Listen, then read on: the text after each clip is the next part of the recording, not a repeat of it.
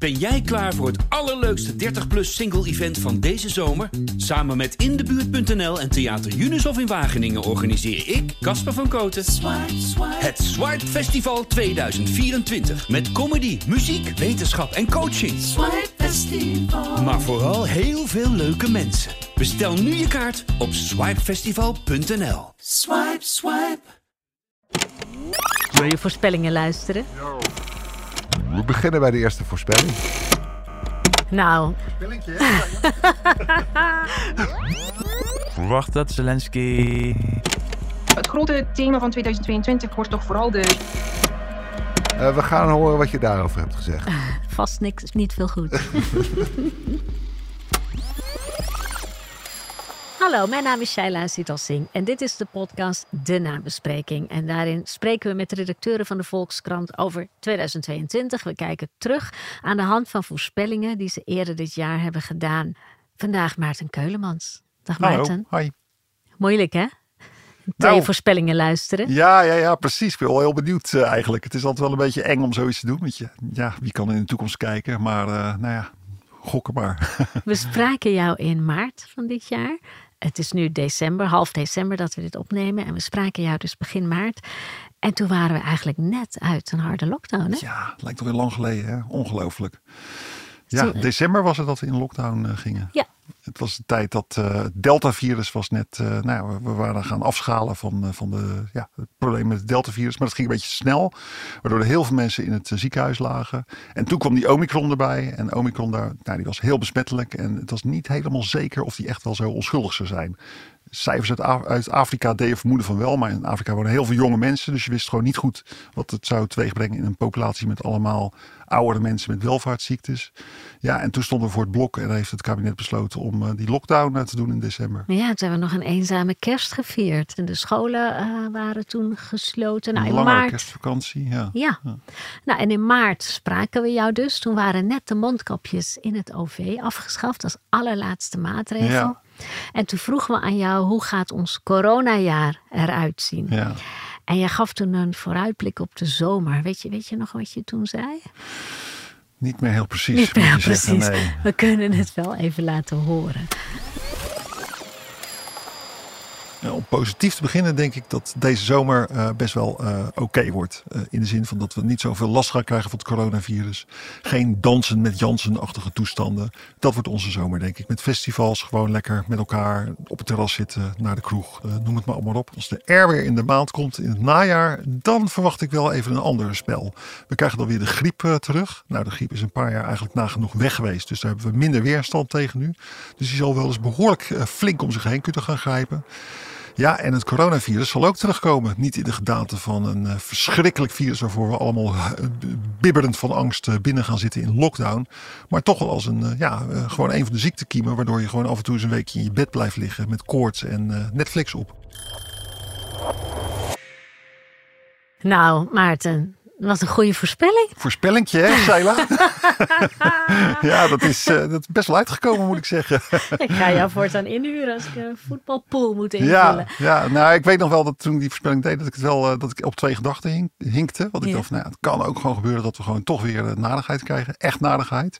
En eh, nou ja, de- gezien Omicron had ik zoiets van, ja, laten we gokken dat het meevalt. En nou, dat is, dat is ge- gelukkig inderdaad zo gebleken. Ik ben afgelopen zomer ook echt naar festivals geweest. Ja, Het kon allemaal weer. En eh, ja, heerlijk gewoon eigenlijk. vet uit dansen. Ja, ik was, ik was ook op festivals. En gewoon meteen ook echt kei druk, hè? Ja, gewoon hè? overal Ja. helemaal Ja, vol. alsof het helemaal weg is geweest. Dat, Ja. dat vond ik nog het meest vreemde eigenlijk. Ja, moest ook echt een beetje aan... Had jij dat niet? Dat je een beetje aan moest moest wennen, wennen. gewoon. Ja, ja. van oh ja, we staan hier met 300 mensen. Of 3000 mensen heb ik ook wel gestaan in de Ja. zaal. En niemand heeft een mondkapje. Nee, nee, heel raar.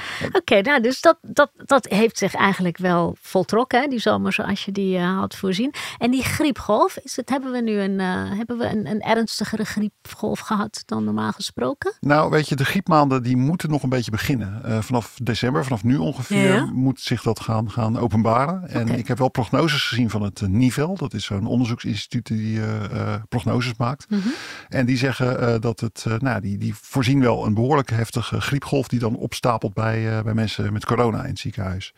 Dus dat is, dat is op zich is dat, is dat niet, niet niks, zeg maar, als het echt zou gebeuren. Maar het is altijd een beetje koffiedik kijken. Er hebben Ja. natuurlijk ook alweer meer mensen dan anders de griepprik genomen. Ja, en die beschermt redelijk goed, toch? Die beschermt ook weer een beetje. Het haalt net een beetje de scherpe kantjes ervan af. Dus dat is, het zou kunnen dat het dan meevalt. Maar eh, nou ja, goed, ik heb prognoses gezien dat we echt weer met volle ziekenhuizen zouden kunnen komen. maar in- dan met grieppatiënten. Ja, en dat is dan januari, februari zal het vooral oplopen.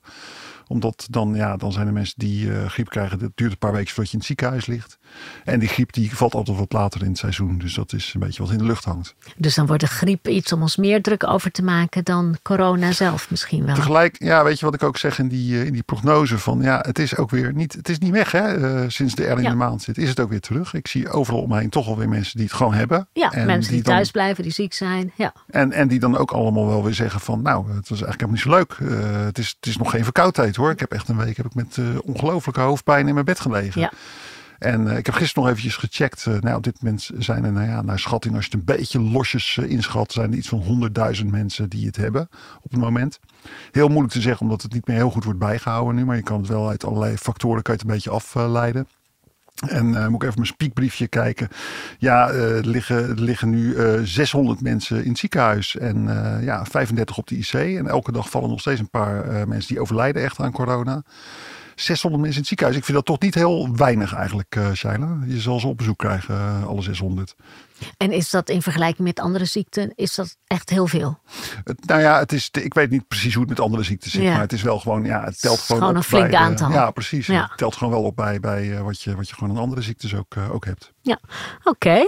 Nou, dan ehm, heb je ook een voorspelling gedaan over de coronagewoonten. We Ja. hebben ons natuurlijk allerlei gewoontes moeten aanleren. Afstand houden, eh, geen handen schudden, niet zoenen, eh, mondkapjes op. Nou, we eens horen wat je daarover zei. Wat je, wat je, hoe je dacht dat zich zou ontwikkelen. Ik ben ontzettend benieuwd welke corona-gewoontes erin blijven. eh, als het virus straks op de achtergrond is verdwenen. Ik denk eh, mondkapjes dragen. Nou ja, je ziet hoe snel dat eigenlijk nu al is verdwenen uit het openbare leven. Dat zal niet meer zo snel terugkomen. Behalve misschien in het openbaar vervoer. Maar ik denk wel dat we misschien gaan krijgen dat je in de winter, eh, in het winterseizoen, gewoon ja, meer oplet en meer op je, op je tellen gaat passen. Dat je dan inderdaad, ja, dat het niet meer zo bonton is om op je werk helemaal snotterend en niezend en hoestend en proestend aan te komen. Nee, dan ga je gewoon eventjes thuis werken. En ik denk, ja, eh, de, de eeuwige gewoonte van het, die alles wordt genoemd, de, de Hollandse drie zoenen, dat zal ook niet meer terugkomen. Handen geven denk ik wel weer. Het knuffelen, gewoon de normale omgang, dat komt denk ik voor een groot deel weer terug. Maar ik denk dat je het vooral in, in subtiele dingen gaat zien. you Ja, ik eh, herken het wel een beetje. Hoe, hoe zie jij dat, eh, Shaila? Je bent helderziende. Alleen eh, wa- wat ik me afvroeg, die drie zoenen, die zie ik nog wel hoor. Ik voel ze ook nog wel eens. Ja, oh, ik ja, krijg toch ja. weer gewoon drie zoenen. Ja, het is wel minder, heb ik het idee. Ik heb het gisteren toevallig nog even, nou niet helemaal toevallig, maar omdat ik ook wist dat we dit gesprek zouden voeren, heb ik het nog een beetje rondgevraagd, zo links en rechts. Ja. En met name de dames van, goh, krijg je dan als drie zoenen? En dat waren er niet veel die dat, de meeste mensen herkennen het, want het is wel echt minder geworden. Ja. Maar je merkt het ook aan andere subtielere dingen. Want ik, ik merk bijvoorbeeld hier op de redactie. We zitten hier op een krantenredactie waar we vroeger voor corona elke dag eh, gingen we hier, zaten we hier gewoon op kantoor. Ja, het is echt een stuk, stuk rustiger. Mensen werken gewoon meer thuis. En Ja. het is ook heel normaal geworden als jij een keertje niet kan. Ja, onze chef die, had, eh, die was flink verkouden. eh, en die heeft eh, afgelopen maandag gewoon mee, mee vergaderd via het scherm. Dus dat soort dingen zie je het heel erg aan. En je ziet hier en daar zie je inderdaad echt nog wel mensen met mondkapjes lopen. Maar dat is wel minder dan ik had verwacht. Ik had verwacht dat het, zeker nu, dat je meer mensen zou zien met, met mondkapjes in het openbaar vervoer. Je ziet eigenlijk niemand met mondkapjes in het OV. nee, nee, nee, een heel enkeling. Hooguit een toerist. Ja. Of Nou, heel af en toe wat oudere mensen, maar ook niet zoveel. Nee, nee, nee, precies. En dat zijn dan wel, ja, dat zijn ook wel mensen dat je meteen denkt van, nou, die, die, heeft, die heeft een hele goede reden om zo'n mondkapje te willen dragen. Die zal wel eh, iets, eh, iets onder de leden hebben of zo. Ga maar uit de buurt zitten. Precies. En wordt dat ook onderzocht, eh, ons gedrag? Wordt dat nog gemonitord ergens? Van of het, of hoe vaak we nog onze handen wassen, handen schudden, afstand houden. Wordt, wordt dat soort dingen nog ergens gemeten? Weet ik eigenlijk niet. Het RIVM had een gedragsunit die dat bijhield. Precies, en het zou me niks verbazen als ze dat nog steeds op een zacht pitje uh, bijhouden. Mhm. Maar dat zegt het al, hè, dat ik als coronaverslaggever daar niet meer elke week naar, uh, naar kijk. Van, oh, uh, hoe dragen onze mondkapjes nog wel? Ja, hoe zit dat? ja. ja. En wat, wat thuis ook wel nog, wat mij ook opvalt, ik weet niet of jij dat ook waarneemt, het handen geven. Het is natuurlijk weer terug, hè, gewoon handen ja. geven, heel normaal. En toch, nou ja, met name als ik mensen spreek die in een ziekenhuis werken, die zijn, die zijn anders handen gaan geven. Ik heb van de week nog weer iemand een box gegeven. Dus ja, dat is, nee, dat kom ik ook heel veel tegen. Ik kom, ik kom veel tegen mensen die een box geven. Mensen die gewoon geen hand geven. En dat, in het begin zei je dan nog, wij doen geen handen. Ja. Maar ook gewoon niks meer zeggen. Gewoon staan en gewoon hun handen langs hun lijf houden. En dat is dan hun teken van ik heb geen zin om een hand te geven. Of ik doe geen handen geven. Ja, dus dat ja. je het ook niet eens meer uitspreekt. Ja, grappig hè. Ja, ik denk dat hier echt allemaal mooie proefschriften uit te halen zijn voor gedragswetenschappers. Van wat is er precies veranderd? Ja, hoe krijg je mensen tot, tot ander gedrag? En, en hoe heeft corona daarop op ingezet? En die mondkapjes, want je zei daar was je wel verbaasd. Je dacht dat die misschien in de winter nog wel zouden worden gedragen. Ja. Uh, maar kennelijk zijn wij geen volk van mondkapjes. Ja, dat is dan altijd heel verleidelijk om dat soort dingen te gaan roepen. Hè? Ik geloof nooit zo heel erg in volksaard, en zo hoor. Maar het is, wel, het, is, het is wel opvallend hoe snel we die dingen, ja, hoe snel we er vanaf zijn gestapt. En ik denk dat het misschien ook wel een soort heel diep menselijk ding is. Ja, om elkaars gezichten te willen zien. En, en weet je wel, we communiceren natuurlijk heel veel via onze gezichten. Ja. En uh, ja, uh, ik was zelf ook al blij dat, uh, dat ze af mochten hoor. Dus ja. Ja, ik was er ook heel blij mee. nou, dan corona zelf, het virus zelf. Um, we vroegen ons begin dit jaar af van, komen er nog nieuwe varianten? Um, hoe, weet je, hoe, hoe, gaat dit zich verder doorontwikkelen? wat gaan we er nog meer van, van merken? gaan we nog, nog meer varianten zien of nog meer virussen zien die overslaan van dier naar mens? Daar had je ook een voorspelling over. Mijn gok is, denk ik, dat we wel degelijk nieuwe varianten gaan krijgen. Maar dat het varianten zijn die niet zo verschrikkelijk opvallen. Dat is meer iets waar experts zich zullen mee bezighouden. Je zult dan in de krant af en toe een berichtje zien van... oh ja, de, de Psi-variant is opgedoken. En dat is dan een variant waar we eigenlijk in het dagelijks leven heel weinig van zullen merken. Ik denk vooral dat het van dieren wel eens kan gaan overslaan naar de mens. Uh, het, het, virus zit in herten, het zit in muizen, het zit in allerlei dieren. En ik denk dat het wel eens kan gaan gebeuren dat er uh, ja, zorgen zijn om varianten die dan van dieren naar de mens uh, weer overspringen. Hm. Nieuwe varianten, hebben we eigenlijk nieuwe varianten? Ik ben het helemaal kwijt. Vroeger nou, las ik elke week in de krant over alle varianten. En ik ben een beetje blijven steken bij Omicron. Ik weet eigenlijk niet, zijn er meer varianten? Dit, dit, is heel veelzeggend dat je dit antwoord geeft. Want dat is inderdaad precies ook wat ik voorspelde. En, en ja, ik ben verbaasd hoe goed dat is uitgekomen eigenlijk. een beetje trots op ook wel, mag ik wel zeggen. Nee, wat er is gebeurd, we hebben nog steeds al Omicron. Maar intussen, als je gewoon gaat kijken van oké, okay, wat is er nu gebeurd? Nou ja, dan kan ik jou verhalen vertellen. We hebben BA5 gehad. Die is teruggevallen van 86% in Nederland naar een minderheid nu. We hebben BF7 gehad. Die is op gekomen en is weer weggegaan. Zijn dat weer varianten van de Omicron-variant? Ja, allemaal, of zijn dat weer hele nieuwe varianten? Dat zijn subsoorten van Omicron. Ja, okay. uh, BQ1, uh, die is op dit moment dominant aan het worden. BA275, uh, BA46, XBB, BA2, BA4. Nou ja, Hè, ik moet zelf ook spieken van mijn spiekbriefje om ze allemaal op te noemen. Dat zegt ook al dat het niet meer heel erg voor in ons bewustzijn zit. Nee. Maar de, die dans van die varianten is gaande en, en experts letten erop. Ik las toevallig van de week nog weer een artikel, echt wetenschappelijk artikel, dat uh, variant BQ1, dat die misschien uh, wat meer uh, ziekmakend is dan, dan de eerdere Omicron subvarianten. Maar het is inderdaad helemaal niet meer in het nieuws. Niemand maalt er meer om. Iedereen is ook een beetje blij om er vanaf te zijn van dat gedoe. Oh god, weer een nieuwe variant. maar ze zijn dus ook niet zo ernstig dan? Niet ernstig genoeg om er alarm over te slaan? Nou, weet je, van een afstandje gezien is dit allemaal gewoon, uh, gewoon Omicron. Uh, zoals uh, van een afstandje gezien griep altijd de griep is. Terwijl dat en, als, en de vaccins die we daartegen hebben gekregen. En er is weer een nieuwe vaccinatieronde geweest, niet zo lang geleden. Dat beschermt ook voldoende tegen dit soort nieuwe varianten? Ja, ook dat is gewoon eigenlijk een beetje, ook van afstandje gezien. Je kan wel inzoomen en dan zie je allemaal kleine procentje hier, procentje daar. Dat soort verschillen. Maar van afstandje gezien is het verhaal telkens hetzelfde. Vaccinatie beschermt je een maand of drie, vier tegen het krijgen van, van de ziekte. En uh, vooral beschermt het gewoon erg goed tegen, tegen nou ja, ernstig ziek worden. Tegen ja, tegen ziekenhuisopname. Ja, ja, ja, precies. En tegen doodgaan en op IC's komen. Dus dat is uh, een beetje het verhaal. Ja. En, en je noemde ook uh, varianten, nieuwe varianten die van dieren naar mensen zouden Ja. kunnen. Je hebt het over herten, muizen. Ja, Dan zijn het geen dieren waar we dagelijks mee in aanraking komen. Hoewel muizen misschien wel, als Ja. je muizen hebt. Nee, het gekke is, dat is eigenlijk nog helemaal niet gebeurd. En eh, nou ja, voor zover we weten niet hoor. Want ik bedoel, je weet natuurlijk nooit helemaal zeker wat er allemaal... Bijvoorbeeld in Afrika is echt een, een eh, blanco vlek op de kaart... waar we niet goed weten wat er allemaal eh, gebeurt. Ja, is er geen goed onderzoek? Nee, dat is, dat, nou ja, het is wel goed. Het wordt wel gewoon een goed onderzoek gedaan. Maar het wordt gewoon niet zo gemonitord. Hmm, Hier in het Westen is natuurlijk dat alle, alle varianten worden bijgehouden. Ja. Het wordt allemaal gemeten bij de teststraat. Steekproeven genomen. En dat gebeurt in Afrika een stuk minder. Maar ik heb nog niet weet van, van echt nieuwe varianten die zijn opgedoken. Tegelijkertijd is wel, nou ja, wat nu, dat is dan wel niet coronavirus. Maar er is best wel heel veel zorg over die vogelgriep. Omdat Ja. die vogelgriep die blijft maar rondgaan in het Ja, Westen. die is niet meer weg te krijgen. Nee, hij is in zeevogels terechtgekomen en daarmee ook naar de andere kant van de oceaan. Eh, in Zuid-Amerika woedt hij nu ook, eh, Ja. Canada. En daar zie je dus ook dat er wel degelijk af en toe ook zoogdieren besmet raken.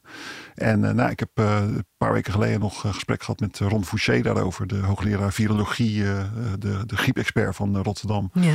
En die zegt ook van, ja, wij zijn echt krankzinnig bezorgd als, eh, als eh, wetenschappers. Want wij zien gewoon, dit virus gaat maar rond. Elk stapje, ja, het, het kan zomaar gebeuren dat hij net een- die juiste mu- mutaties opdoet. Waardoor hij gewoon mensen gaat besmetten. En hoe ernstig is die vogelgriep? Kijk, onder vogels eh, richt het echt een slachting aan. Ja. En de- deels die vogels die, die, die vallen dood neer. En, en tegelijkertijd in de intensieve vogelhouderij worden dan, als er één besmet geval is, wordt, worden hele stallen geruimd. Ja. Dus het heeft een enorme ravage, is het aan het aanrichten onder de vogelstand.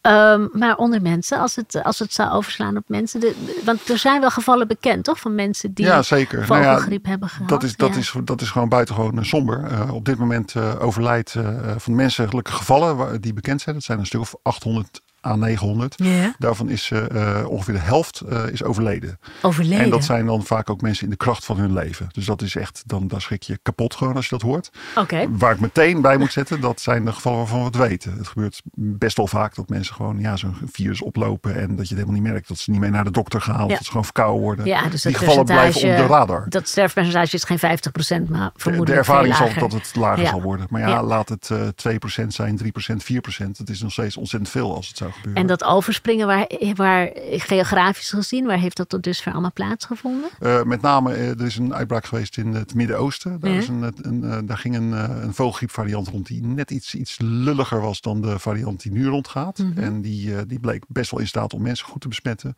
En daar zijn best wel veel, daar is echt een aardige uitbraak geweest onder mensen.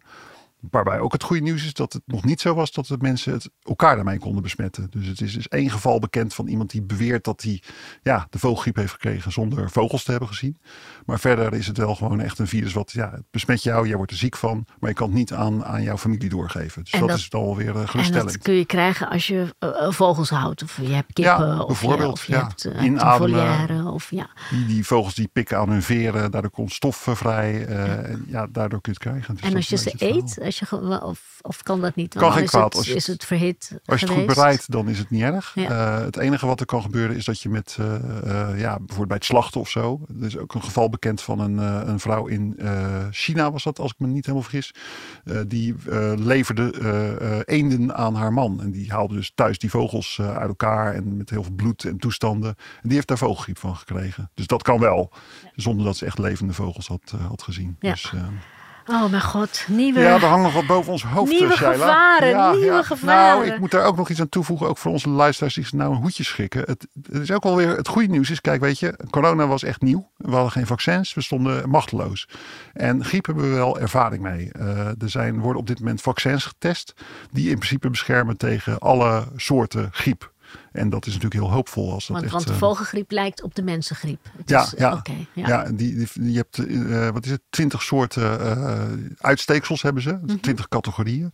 Eh, dat, die, die, dat heb je al eens gehoord, die afkorting misschien H5N1. Ja. Dat staat dan, hij heeft op zijn uitsteeksels heeft hij een H-uitsteeksel en heeft een N-uitsteeksel. Nou, ik ga je niet vermoeien met alle chemische details.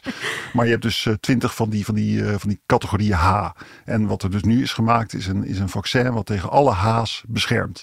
Wordt nog getest in dieren, maar je kan je voorstellen als het echt een pandemie eh, is van vogelgriep, dat ja, dan zo'n vaccin, dat kan je dan snel van de plank trekken en Ja, heel snel inzetten. Dus dat is Oké. wel weer hoopvol. Nou, gelukkig dat je dit eh, sprankje hoop uh, hebt gebracht. Um, nou, nieuwe initiatieven hebben we het ook over gehad tegen andere pandemieën. En je, of, je, of je toen verwachtte in maart um, hoe we ons zouden gaan wapenen tegen mogelijke nieuwe pandemieën. Wat voor nieuwe initiatieven er zich allemaal zouden voordoen. En daar heb je ook wat over gezegd. Ik denk dat een heel belangrijk eh, deel van de strijd eh, nu wordt van uh, hoe gaan we ons beschermen tegen nieuwe pandemische virussen. Iedereen heeft het nu heel erg op zijn netvlies. Oh jee, er kan zoiets komen als een pandemie. En dus zul je allerlei initiatieven gaan zien, samenwerkingsconglomeraten, initiatieven om, om dieren in de natuur te scannen. Initiatieven om uh, ja, op te letten wat voor, uh, wat, voor, ja, wat voor virussen er rondgaan bij dieren. Maar ook bij mensen natuurlijk. Onze politieke leiders die hebben nu allemaal zo echt in, tussen hun oren zitten van hoe erg het kan zijn als er echt een pandemisch virus uh, uitbreekt. Dus ik mag toch hopen, en ik denk het ook wel, dat, die, allerlei, ja, dat er geld zal zijn om, om goed dit soort initiatieven te ondersteunen. Geld. Is het er gekomen? Ja, ja wel een beetje hoor. Dat klopt. Ik denk dat ik iets te optimistisch was over de inschatting. Want je ziet dat het ook wel snel uit het bewustzijn verdwijnt, dit soort dingen. Maar uh, tegelijkertijd gebeurt er wel enorm veel. Uh, er komt een nieuwe wet publieke gezondheid. Mm -hmm. nou, er zijn die rapporten van de Onderzoeksraad voor de Veiligheid zijn er geweest. Waar ook uh, allemaal aanbevelingen in staat om het bestuurlijk achter de schermen net wat anders in te richten. En nou, ik was toevallig deze week, eerder deze week ben ik nog bij de Koninklijke Nederlandse Academie van Wetenschappen geweest. Ook weer een bijeenkomst over van nou ja, pandemic preparedness heet het dan in het Engels. Want wetenschappers die praten altijd graag Engels tegen elkaar op een of andere manier. En uh, nou ja, dat ging dus ook heel erg over van ja, wat voor onderzoeken moet je doen, wat voor, wat voor uh, muurtjes moet je wegnemen, zodat we bij een volgende pandemie data beter kunnen delen. En daar zijn enkele tientallen miljoenen zijn daarvoor uh, voor beschikbaar voor dat soort dingen. Zit vaak ook in dingen, nou ja, dat data delen is er bijvoorbeeld eentje. We liepen er tegenaan dat de GGD's die, die gingen over het testen en over het inenten. Het RIVM die heeft die gegevens van de GGD, maar die mag ze dan weer niet doorgeven aan de volgende club. Ja, ja daar was heel, heel veel gedoe over. Er is heel veel gedoe over. En daar zit gewoon, ja, daar, daar speelt een heel verhaal over die privacywet. Uh, niemand weet goed van, goh, we hebben zoiets als de privacywet. Iedereen is heel huiverig om data te delen. Want ja, je zal maar een nieuwe affaire, uh, toeslagenaffaire uh, lanceren. Dus niemand durft het goed, datadeling. Vaak mag het wel en doen ze het toch niet. Nou, dat zijn nu typische discussies die worden gevoerd. En, en komt daar dan wel een oplossing voor? Of wordt er alleen maar eindeloos over gediscussieerd dat het een probleem is? Of wordt er ook echt gewerkt aan als morgen dan die vogelgriep uh, pandemie uitbreekt, kunnen we dan wel data Ja, nou, dat is, dat is precies de goede vraag. En uh, ik, uh, ik geef ze nu nog het voordeel van de twijfel, zal ik maar zeggen. ik heb ook precies het plan van, nou, over een paar maanden ga ik eens kijken van, oké okay, jongens, uh, laat nu maar eens show me your money. Wat ja. hebben jullie nu eigenlijk allemaal gedaan met al die goede voornemens? Ja, ja, maar ik heb wel het idee dat het wel, nou ja, weet je, er is wel een, iets op gang gekomen hoor. En het is, tegelijkertijd is het natuurlijk nog geen, geen, geen walhalla van, van, we zijn straks helemaal klaar voor het volgende virus. Al is het maar omdat je niet goed weet uit welke hoek het uh, komt. Ja. Heeft het wel iets teweeggebracht in de onderzoekswereld? Um, bijvoorbeeld meer samenwerking? Of was die er sowieso altijd al? Nou, een van de dingen die je nu bijvoorbeeld ziet. Uh, er was veel kritiek op uh, zoals het is gegaan. er is meteen een OMT gekomen. Met allemaal medische adviseurs die bij elkaar gaan zitten. Ja. Vaak niet echt de beste wetenschappers. Omdat het vaak gewoon ook weer... Ja, het is Nederlands. clubs. Dus het is de, de voorzitter van de Vereniging voor Kindergeneeskunde moet erbij. En de voorzitter van de ja. intensivisten en zo. Ja. En nou, dat, dat is het OMT. Daar is, daar is veel kritiek op gekomen, omdat je ja, op die manier gewoon helemaal niet iemand aan boord hebt die verstand heeft van economie of van gedrag. Nou ja, de mondkapjesdiscussie is een heel mooi voorbeeld daarvan. Ja. Het OMT moest ineens op puur medische gronden gaan zeggen van ja, wacht even, mondkapjes dat is geen, eh, geen uh, zaligmakend middel. Terwijl psychologen daar anders naar kijken en die zeggen van ja, wacht even, als je allemaal een mondkapje gaat dragen, dat straalt in ieder geval ook uit van er is iets aan de hand, pas op. Ja. Dus, dus weet je, dat soort uh, spanning uh, zat er in de wetenschappelijke advisering. En nou ja, er is dus nu een MIT ook gekomen naast de OMT. Dus als er nu een pandemie uitbreekt, dan is er ook een, wat heet het, een maatschappelijk, maatschappelijk impact team. Ja. Die gaan dan zeggen over nou ja, goed, uh, hoe erg het is als de scholen dichtgaan, dat het niet gezond is voor kinderen. Ja. Dus, dus dat soort dingen, dat is nu echt wel, wel gaande. Ja, oké. En je zei ook, het gaat uh, bij leiders tussen de oren zitten, hoe erg het zal zijn. Zie je die urgentie nog? Meer politiek, nou, beleidsmatig? Nou, kijk, weet je, we hebben nu uh, toevallig net een minister, uh, Ernst Kuipers, die, die zelf natuurlijk letterlijk in het bluswater stond ja, toen de die pandemie. komt uit die crisis. Ja, ja, precies. Dus die heeft het wel, die is zich ervan bewust. Maar ik weet ook wel, ja, ik ben, ik ben zo'n zo'n oude lul dat ik ook al de, de SARS-crisis heb uh, verslagen in 2002, 2003. En daar daarna zag je, het was ook een coronavirus. Hè. Bijna was het een pandemie, vreselijk erg. Ja. Iedereen schrok zich rot. Oh, nu moeten we wat gaan doen. Nou, dat is toen een jaar of twee, drie waren er in het allemaal eh, plannen en initiatieven om daar wat aan te doen. Ja, en daarna verdwijnt toch ook wel weer een heleboel naar de achtergrond hoor. Onderzoeksprogramma's lopen af. eh, beurzen die zijn aangevraagd, die zijn dan nou, ja, die zijn verzilverd en dat wordt dan niet meer vernieuwd. Dus ja, dat, op een of andere manier is de wereld toen toch weer een beetje in slaap gedommeld. Waardoor we nu opnieuw werden overvallen door het, eh, door het nieuwe Het coronavirus. loopt weg. Hè? Maar dat vind ik dan ook wel weer zo bijzonder aan die vogelgriep waar je het net over had. Dat ehm, dan zou je eh, kunnen zeggen van nou ja, oké, dan moet je misschien echt heel fundamenteel gaan nadenken over hoe we hier kippen houden en eenden en of je dat nog wel op die manier moet doen. Maar die discussie, die is natuurlijk best wel ingewikkeld en daar zijn heel veel belangen bij, mee gemoeid. Maar die wordt ook helemaal niet gevoerd. Dan. Nee, nee, dat is ook heel, heel ingewikkeld. Eh, ja, weet je, je ziet, nou ja, oké, we hebben nu de Netsen eh, farms, die, zijn nu de, die worden nu de deur uitgezet. Ja. Nou, dat is dan één, één stukje vooruitgang. Ja, en daar kregen Ja. we corona van, hè, van de Het nertsen. systeem, Ja. de, de, de- alle vogels, weet je, dat is ook heel interessant. Dat zit ook een beetje achter die discussie die nu woedt van waar komt het virus vandaan. Je merkt dat er echt een beweging is, met name in een beetje de wat, wat meer politiek rechts georiënteerde hoek zit dat. Mhm. Om te roepen van, ja, het virus eh, komt niet uit dieren. Nee, het komt uit het laboratorium. Het is op een of andere manier is het heel aantrekkelijk voor een hoop mensen om te geloven in, in een boosaardige Chinees die een fout heeft gemaakt in een laboratorium. Dat het weer lekker overzichtelijk geopolitiek wordt. Dan ja, dat, dat hele die vervelende gewetensvraag van, gaan wij wel goed om met de natuur? Zijn Ja. we niet hartstikke onverantwoord bezig? Ja, dat ontslaat je van de plicht om Ja. allerlei ingrijpende maatregelen ook te treffen. Hè? De waarheid is, wij hebben het gewoon zelf gedaan met onze consumptie en onze massa, eh, ja, onze massale, onze hang naar, naar voedsel en, en nieuwe ge- gebieden om landbouw te bedrijven. Ja, dan kom je af en toe een eh niezende vleerbuis tegen. Zo, zo werkt het helaas. Ja, en dan maakt die niezende vleermuis ons ziek. Ja, Ja, nou. sorry dat ik niet een vrolijker eh, bericht kan brengen, Shaila, maar je kan nee, er nog een beetje is, lachen, eh, geloof het is ik. waar. Het is waar. Ja, Marion Koopman zegt het ook. Hè? Dat, Ja. ja. ja, we Nou ja, moeten gewoon anders Marion gaan Koopmans wordt daar leven. dus ontzettend op afgerekend op die boodschap. Omdat ze gewoon toch, ja, dat wordt dan uitgelegd als van ja, eh, links verhaal, linkse praatjes. Wat nou eh, landbouw anders doen? Kom op, eh, ga eerst maar eens even kijken of het niet in, uit het lab komt. Zelfs nadat we er jarenlang een pandemie hebben gehad, blijven mensen volhouden dat je toch nog kan blijven doen wat je altijd deed. Afen. Nou, ehm, je laatste voorspelling. Die ging over eh, de herkomst van het virus. Je zei er net al wat over. Hè? Over dat, hè, komt het nou uit een lab of niet? En dat mensen er belang bij hebben om dat, eh, nou ja, om dat een beetje diffuus te laten. Ehm, jij, jij voorspelde toen nog, laten we maar even horen. Ik denk dat een van de thema's eh, die gaat spelen de komende tijd is wel het, ehm, het, eh, de herkomst van het virus. We hebben nu gezien dat je gewoon door dat ge- gerommel met dieren en handelen en, en eh, dieren uit, uit het bos trekken en dan ergens anders gaan opeten, dat dat gewoon tot problemen kan leiden. Ik denk dat we daar een hele scherpe discussie over gaan krijgen. Je hebt natuurlijk gewoon de belangen van de handel en belangen van, van ja, mensen die dieren eten aan de ene kant. Maar aan de andere kant zal je behoorlijke stevige beweging krijgen. Die zegt van joh, wacht eventjes, waar zijn we nou eigenlijk mee bezig? Een beetje, ja, toch een beetje het partij van het dierengeluid. Sowieso, hè, de vraag waar komt dit coronavirus, waar is het eigenlijk vandaan gekomen, is nu nog volkomen onduidelijk.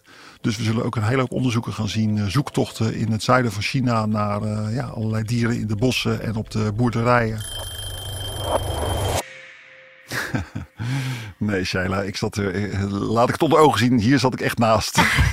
Hier was je te optimistisch. Hier was ik te optimistisch, zeker. je dacht zeker. dat we het allemaal anders zouden gaan doen. Ja, Ja, nou ja, weet je, die zoektochten zijn er wel. Eh, Mhm. er, wordt, er zijn inderdaad wel degelijk. Het wordt ook wel voortgang geboekt. Een heel opmerkelijk onderzoek eh, kwam eh, eerder dit jaar uit, waaruit eigenlijk bleek van, nou ja, dat er in, in Wuhan wel degelijk op hele grote schaal in, in, in ja, wild werd gehandeld, in Mhm. illegale dieren. En eh, allemaal coronagevoelige dieren, wasbeer, honden en zo. En zelfs in die, op die markt waar het virus dan, eh, Ja. ja. waar het zou zijn begonnen, daar was een hoekje waar ze inderdaad aan het handelen waren in, in eh, allemaal van dat soort beestjes. Dus eh, DNA van het virus is daar gevonden. is allemaal heel overtuigend dat het echt uit die eh, wildhoek komt. Maar het heeft heel weinig vervolg eh, gekregen. Ik ben zelfs as we speak ben ik toch weer eens aan het kijken van, nou ja jongens, wat, wat zijn er nou geen losse eindjes? Kunnen we daar niet bijvoorbeeld onze Leen Vervaken, onze correspondent China, daar een keertje heen sturen om daar eens te gaan rondkijken? En is dat, dat is vooral politiek gemotiveerd, hè? dat dat onderzoek niet goed gedaan kan worden, omdat China niet wil dat die markt wordt aangewezen als, als bron. Nou, het Of is dat te simpel. simplistisch? Nee, kijk, in China bestaat geen, eh, geen illegale handel. Kom, dat, eh, wat denk Dus je het nou? kan niet. Het kan niet, dus Ja. het bestaat niet. Het is er niet. En, en je hebt daar toch een hele erge neiging om het ja, toe te dekken met de mantel der liefde. En, en ik bedoel, ik ben geen China-expert, maar dat is de indruk die ik gewoon krijg als buitenstaander door er gewoon veel over te lezen en te praten met mensen die ermee te maken hebben. Maar is de Het is die bureaucratie met allemaal muurtjes ertussen, waardoor de, ja, de een die iets ontdekt, die durft het niet door te geven aan de volgende. En Ja. dat is wel heel, eh, heel lastig. En is de wetenschappelijke consensus niet van ja, het komt wel uit die hoek? Jazeker, dat is, dat is absoluut de wetenschappelijke Ja. consensus. En ik vond het grappig, ik heb eerder dit jaar ook een stuk geschreven over inderdaad die labherkomst. Om gewoon eens te kijken van nou, wat is daar nou voor bewijs voor? Zou het niet echt uit zo'n laboratorium kunnen komen? Hoe zit dat nou? Want ja, het zal maar. eh, ja, Ja, stel je voor dat het wel zijn, zo hè? is. Ja. En toen eh, merkte ik dat ik ook de, de voorstanders van de laboratoriumtheorie, de mensen die echt een eh, paper in het vakblad Science hadden geschreven van we moeten nou, op dat laboratorium letten.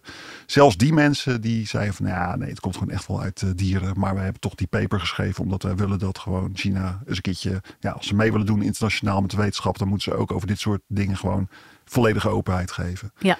Maar een van de verontrustende dingen vind ik, of nou ja, verontrustend, ik vind het, het irriteert mij. Ehm, eh, China heeft bijvoorbeeld metingen gedaan op die eh, markt. En daar, nou ja, allemaal DNA-monsters en zo. En als je die ruwe data zou zien, dan zou je waarschijnlijk gewoon ook kunnen, kunnen zien van, oké, wat voor dieren liepen daar nou rond en, en in welke hoek zat het nou precies? En ja, dat is, die data worden maar niet vrijgegeven. Dus eh, tot frustratie van niet alleen mij als journalist, maar ook van heel veel westerse wetenschappers, hoor, moet ik je zeggen. En wat is de reden die ze daarvoor geven? Geen, Geen. nee, geen. U Komt krijgt er ze gewoon niet. Nee, Punt. precies. ja. Dus daar zal eh, nooit, althans, ehm, er zal nooit uitsluitsel over komen. Nee. Althans, de, de, de opvatting is wel, of de consensus, wetenschappelijke consensus is wel, het zal met die wildhandel zijn geweest op die markt. Maar we zullen het nooit hard Precies weten. en door Nee. iedereen onderschreven conclusie eh, daaruit kunnen Heel trekken. naar, maar dat is inderdaad zo. SARS heeft het ook een jaar of acht geduurd voordat ze een plek vonden waar nou ja, gewoon het meest verwante virus vandaan kwam. Een dorpje waar ook mensen antistoffen hadden tegen SARS. En dus echt, eh, nou, daar zat, het, daar zat het virus heel dicht tegen de grens van de, de mens aan.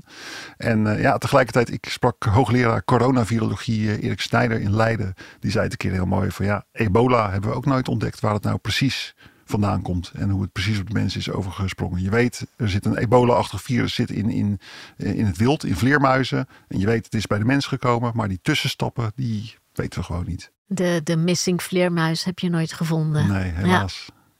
De missing vleerbuis, wat zeg je dat mooi, Sheila? De missing vleermuis. We blijven een beetje in wetenschappelijke termen. Ja.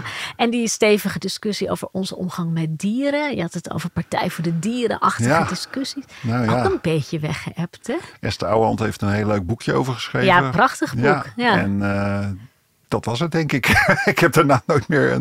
De discussie is toen wel een beetje dood neergevallen. Of, of zie jij dat anders? Ja, nee, ik, eh, ik ben er ook een beetje over verbaasd. Ik dacht ook, we gaan nu fundamenteel praten over de manier van leven. Maar eigenlijk zijn we gewoon weer helemaal geen leven zoals we dat deden drie jaar Ja, geleden. en toch wil ik ook jou gewoon eh, als advocaat van de duivel wel iets tegenwerpen. Kijk, we gaan er gewoon op een andere manier mee om. Het is ook een politieke keuze. Hè? Van ga je nou inderdaad zeggen van nou oké, we gaan voortaan alleen maar biologisch onze kipjes kweken en heel voorzichtig mee doen.